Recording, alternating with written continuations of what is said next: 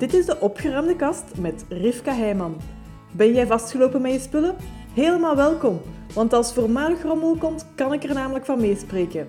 Daarom dat ik deze podcast maakte als baken van hoop voor andere chaoten en als geruststelling dat er leven bestaat na de rommel.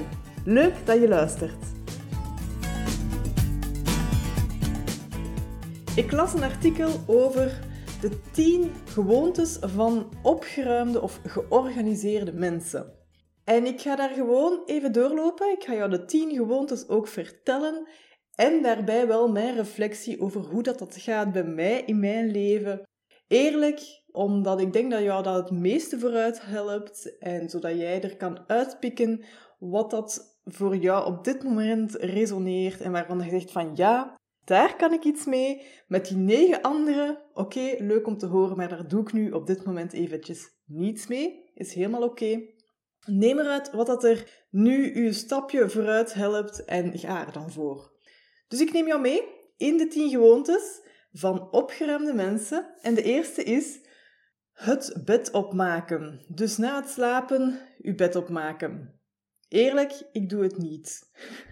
Er wordt dus gezegd van ja, het is een heel makkelijke taak om ochtends, als je dus uit je bed bent gekomen, om heel snel je bed terug op te dekken. Dat hoeft niet zo strak getrokken zoals in een hotel of zo zijn, maar gewoon al effectief je dekens terug juist leggen, je hoofdkussen een keer opkloppen en terugleggen. Maar eerlijk is eerlijk, ik doe hem niet. Ik spring uit bed en ik laat het liggen en het stoort me eigenlijk ook niet. Ik passeer niet zo heel veel. Oh ja, het hangt er vanaf in welke slaapkamer. Ja. Bijvoorbeeld mijn kinderen hebben dus ook de gewoonte niet van hun bed op te maken. Ik doe het zelf niet, dus ik zie ook niet in waarom dat ik dat van mijn kinderen zou moeten eisen. Is voor mij totaal geen breekpunt of zo iets waarvan dat ik zeg van nu ga ik op met mijn vuist op tafel kloppen en zeggen iedereen moet nu zijn bed opmaken. Ja, nee, hè, uw eigen voorbeeld is het allerbelangrijkste. Ik doe het al niet. Ik hecht er te weinig waarde aan. Ook al heb ik ook al gehoord van dat het effectief een verschil uitmaakt. En ik probeer het en dat lukt dan voor drie dagen. En dan daarna life happens en dan doe ik het niet meer. Dat is dus de eerste gewoonte, het bed opmaken met de, een stukje de logica. Het is een heel simpele taak, een heel snelle taak. En omdat een bed zo ongeveer ja, het, het grootste meubelstuk is dat in een slaapkamer staat, is dat ook een eyecatcher, hè, iets wat dat je direct ziet. En dus als je bed is opgemaakt, wordt het ook net iets makkelijker of ga je jezelf al meer uitnodigen om ook andere spullen, kleren die blijven hangen en liggen op de grond, om die op te rapen en ja, je slaapkamer eigenlijk netjes te houden. Gewoonte nummer 1 dus. Gewoonte nummer 2 Sluit jouw kastjes en schuiven. Of voor de Hollanders, sluit jouw kasten en lades.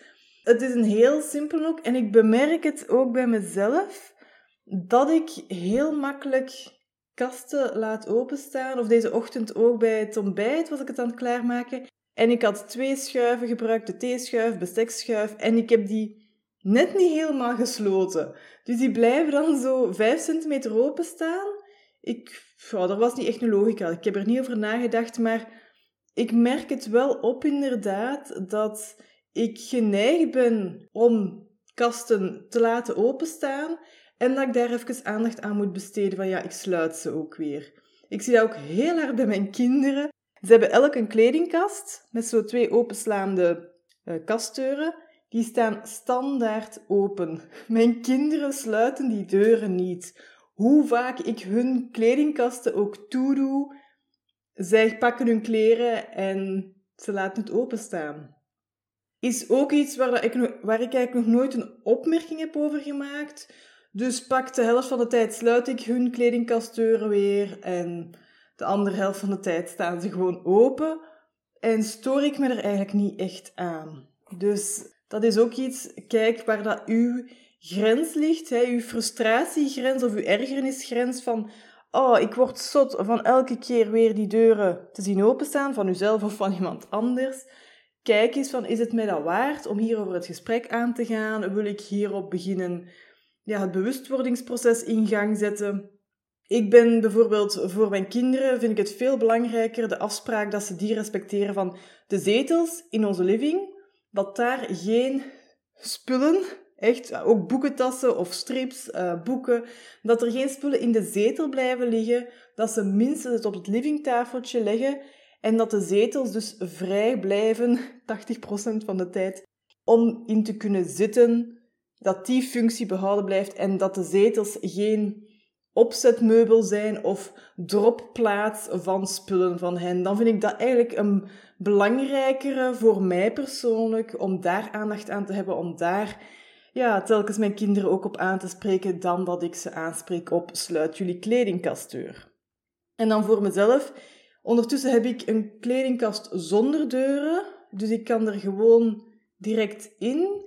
En ik vind het eigenlijk wel heel fijn, omdat vroeger toen dat ik een kledingkast had met van die schuifdeuren, dus dat was zo een driedelige kast met drie schuifdeuren dus erin, dan was die kledingkast zelden helemaal gesloten.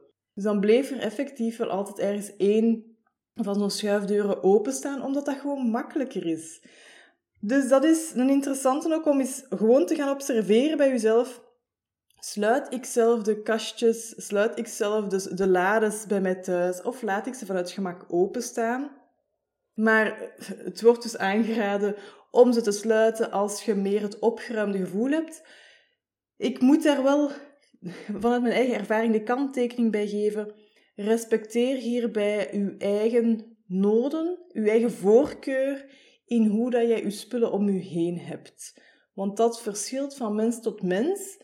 En qua visuele ja, herinnering, qua visuele zichtbaarheid van uw, van uw spullen, heb je een groep mensen die zeggen: Ik wil juist mijn spullen zien, dat geeft mij rust. Dan heb ik die bevestiging: Ah ja, ik heb dat, dat staat daar. En dan wordt het gebruikt, want als ik het niet zie, vergeet ik het. Maar je hebt even een groep mensen die zegt: van, Ik word zot van al mijn spullen te zien. Alsjeblieft, laat mij ze wegsteken, verstopt, onzichtbaar ze, ze zetten.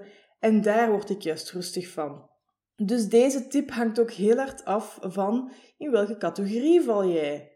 Val jij in de categorie van mensen die juist de visuele geruststelling willen hebben van ik zie mijn spullen, niet elk spulletje natuurlijk bij je thuis, maar zo die dagelijkse veelgebruikte spullen van ik zie ze, ik kan ze makkelijk pakken en ik vergeet niet dat ik ze heb, zoals bijvoorbeeld vitamines nemen. Als jij een visuele persoon bent en jij steekt die altijd weg in een kast of in een schuif, dan is de kans super groot dat je ze het merendeel van de tijd niet zult nemen. Terwijl het dan wel perfect kan werken voor een niet-visuele persoon om die weg te steken in een kast ergens waar dat ze ze niet zien, maar dat ze wel, ja, dat, je zit gewoon anders in elkaar en die slagen er wel in om te weten van, ah ja, dat staat ginder in die afgesloten ruimte, ik kan daar naartoe gaan, ik neem mijn vitamine en ik doe dat.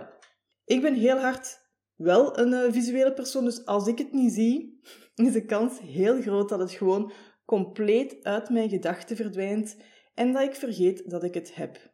Maar bijvoorbeeld in mijn keuken, absoluut ben ik iemand die ook uh, er wel op staat dat de kasten en schuiven toegaan, helemaal. Dus dat is iets waar ik op let voor mezelf.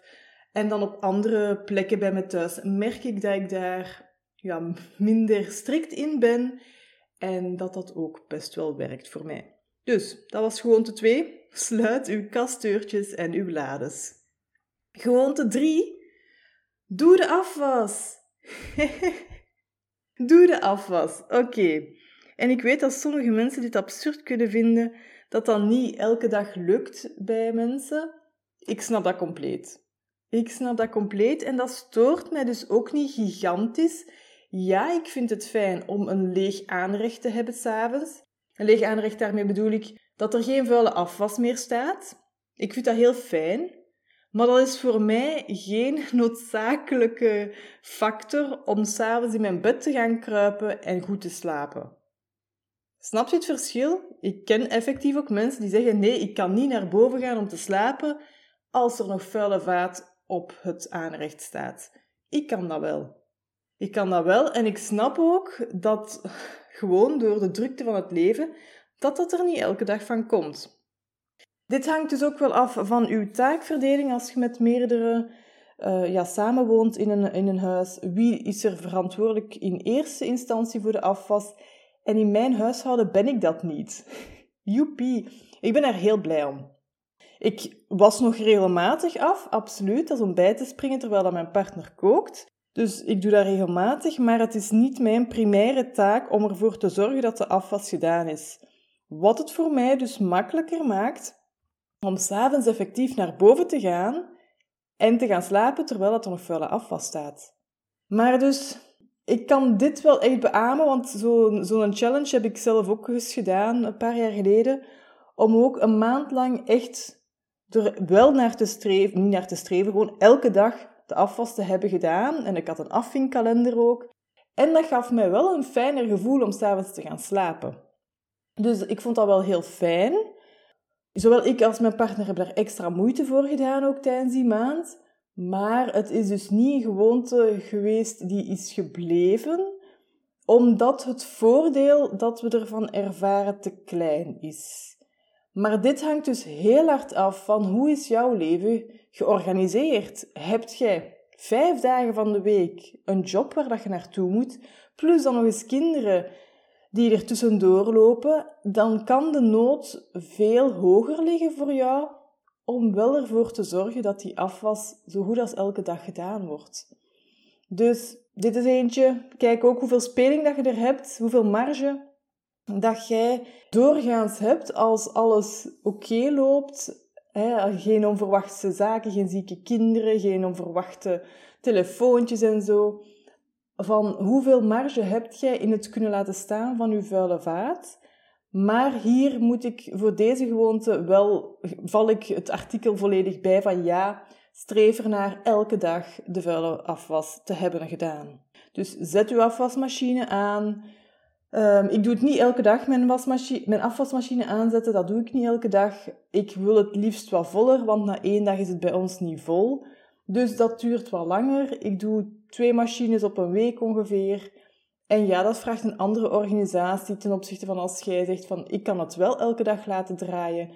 Zoek dan uw gewoonte, uw stramien om die vaatwas te vullen, te legen en dat uw huisgenoten ook helpen, dat je experimenteert van, goh, moet het allemaal op uw schouders blijven liggen of niet?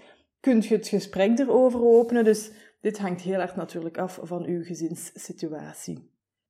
Gewoonte nummer vier is opgeruimde mensen plannen hun dagen.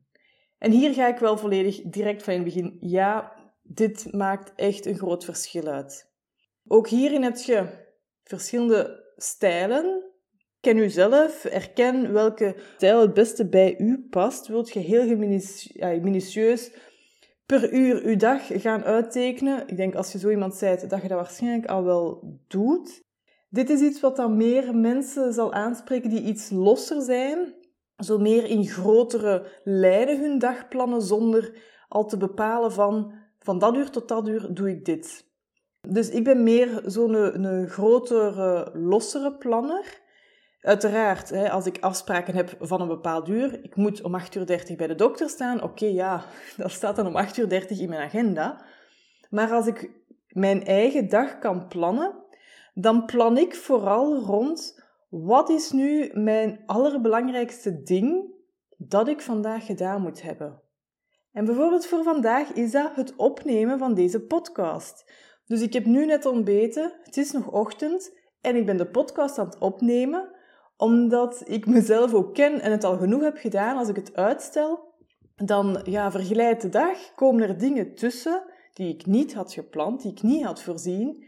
Uiteindelijk is het al, al zo latere namiddag, dan komt mijn partner naar beneden, dan is het in de, in de keuken gaan morrelen. Dan kan ik geen podcast meer opnemen. Of als de kinderen er zijn, kan ik geen podcast opnemen.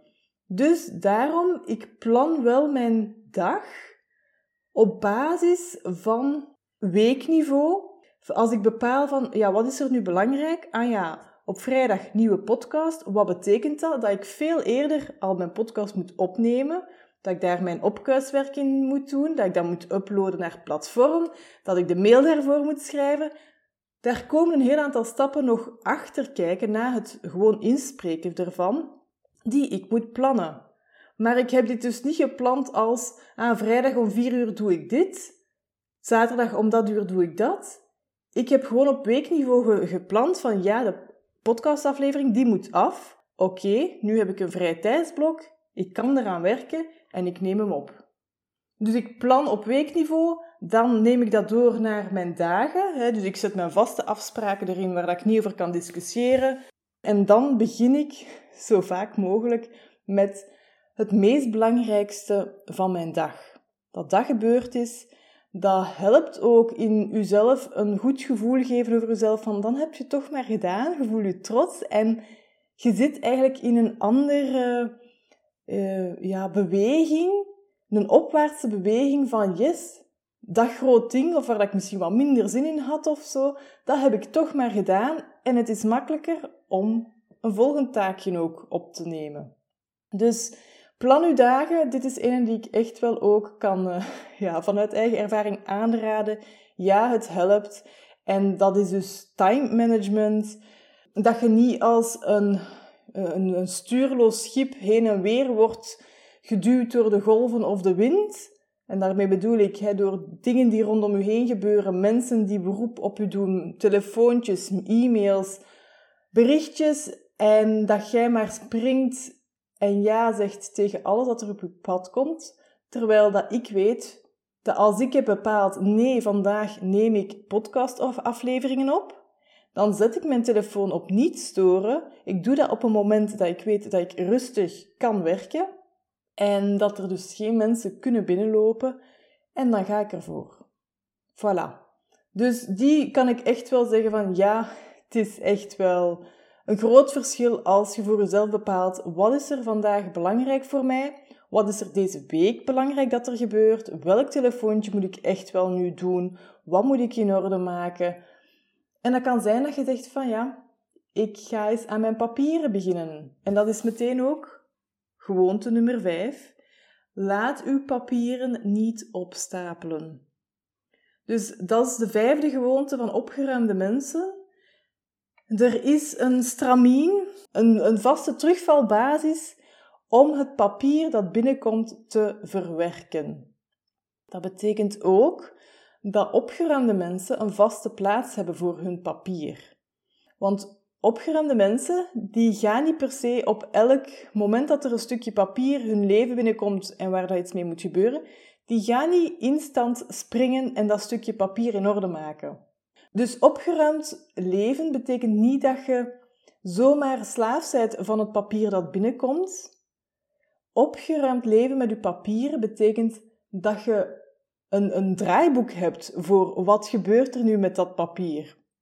En niet dat het willekeurig van op de eettafel naar de keukenkast, naar een andere stapel papier tussen de kranten en de reclameboekjes terechtkomt. Dat betekent dat jij weet, of dat uw huisgenoten weten, ah, hier zijn brieven binnengekomen, of uw kinderen komen met een factuur van school thuis. Wat dan ook, welk stukje papier dat ook is dat jij best eens bekijkt, dat er een vaste stappenplan is, een vaste plaats is waar dat papier naartoe gaat en dat jij ook een vast moment hebt om dat papier te behandelen. En dan kan dat, hè, verwijzend naar de vorige gewoonte, dan kan dat bijvoorbeeld zijn dat je zegt van, ah, wat is het belangrijkste dat ik nu vandaag doe? Oké, dat ik minstens een half uurtje eens naar de papieren kijk die nu zijn binnengekomen.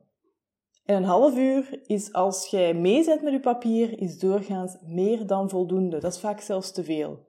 Als je een achterstand hebt, ja, dan zul je meer tijd nodig hebben, maar dan raad ik u eigenlijk aan om er vooral consistentie in te steken. Dat je bijvoorbeeld elke dag of elke week een aantal vaste tijdsblokken gaat voorzien om ermee bezig te zijn, maar dat je zo kunt bijbenen in plaats van te zeggen, nu moet ik alles op mijn zondag hebben verwerkt en dat je compleet een degoe hebt van je papieren vast te nemen. Voor het gisteren was het voor mij. Mijn vast papiermoment was de vorige keer in het 100 gelopen. Dus ik heb drie vaste papiermomenten in de maand. De eerste, de 11e, de 21ste. Dat zijn mijn drie dagen van de maand. Geen ganse dag. Maar dat ik een um, vast papiermoment voorzie op die dag. Of een dag daarvoor, de dag daarna. Die vrijheid geef ik mezelf. Maar ik weet, de eerste, de 11e, de 21ste, Doe ik papier? Betaal ik facturen? Kijk ik naar welke info ik moet opleveren? Ondertekening bepaalde papieren? Dus dat zijn mijn vaste papiermomenten. En ik had mijn vorig papiermoment dus een beetje gemist. En ik wist van, oké, Rivka, ja, je hebt een paar dingen ook uitgesteld om, de, om te betalen, omdat ik nog wat langer had. Nu is het moment, je moet u er eens aan zetten. En dat heb ik gisteren gedaan. Als, wat is het belangrijkste dat ik vandaag doe? Dat was dus mij bezighouden met mijn papieren, van wat had ik allemaal op mijn vaste plaats gedropt. Dus ik heb mijn vaste plaats voor papieren, dat is zo'n postbakje, heb ik gepakt, naast mij gezet. Ik ben er gewoon doorgegaan en eigenlijk viel het best wel mee. Maar omdat het dus een beetje was uitgesteld door mij, was het in mijn hoofd vrij chaotisch geworden. Had ik het gevoel dat ik het overzicht niet meer had in van wat is nu in orde, wat niet. En gewoon door dat gisteren effectief aan te kijken en te doen, viel het in de realiteit veel beter mee dan ik had gedacht. Ik ben weer bijgebeend, ik heb weer het overzicht, ik weet wat dat er nog ja, hangende is van dat is nog niet helemaal afgerond. Maar ik ben weer on top of mijn papieren. Dus uw papieren, dat is dus een andere gewoonte van opgeruimde mensen. Zorg dat het niet uw leven overneemt en dat je altijd maar stapels hebt en het gevoel hebt om achter te lopen en gewoon niet weet van, oh, is dat nu betaald of niet betaald? Uh, ben ik iets vergeten? Moet ik een eerste aanmaning, een tweede aanmaning afwachten? Dat is niet fijn. Zo, dus dit was de vijfde gewoonte rond laat geen papieren opstapelen. Ik merk dat ik al wel een tijdje bezig ben en ik zit nog maar aan de helft, dus ik ga hier nu afronden. Ik hoop dat deze eerste vijf gewoontes jou al uh, ja, konden inspireren of, of een referentiepunt geven van waar dat jij staat. Dus de eerste was, je maakt je bed op. De tweede is, je sluit kasten en schuiven. De derde, doe de afwas. De vierde, plan je dag. En de vijfde, laat de papieren niet opstapelen. Dit zijn de eerste vijf gewoontes van opgeruimde mensen. Laat mij gerust weten of dat jou dit helpt en wat dat jouw ideeën hierover zijn, wat dat werkt voor jou, wat dat niet werkt voor jou. Dan neem ik je in de volgende aflevering graag mee in de laatste vijf gewoontes van opgeruimde mensen. Ik wens je een heel fijne dag.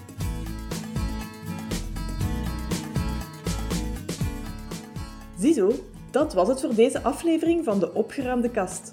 Vond je deze aflevering waardevol? Deel het dan met iemand die er ook mee geholpen is en laat een review achter. Ik vind het trouwens leuk om berichtjes van luisteraars te ontvangen als een aflevering een bepaald inzicht gaf of iets in beweging zette. Laat het me weten, ook als je vragen of suggesties hebt natuurlijk. Dat kan via contact@goedgeschikt.be. Heel fijn dat je erbij was en graag tot de volgende keer.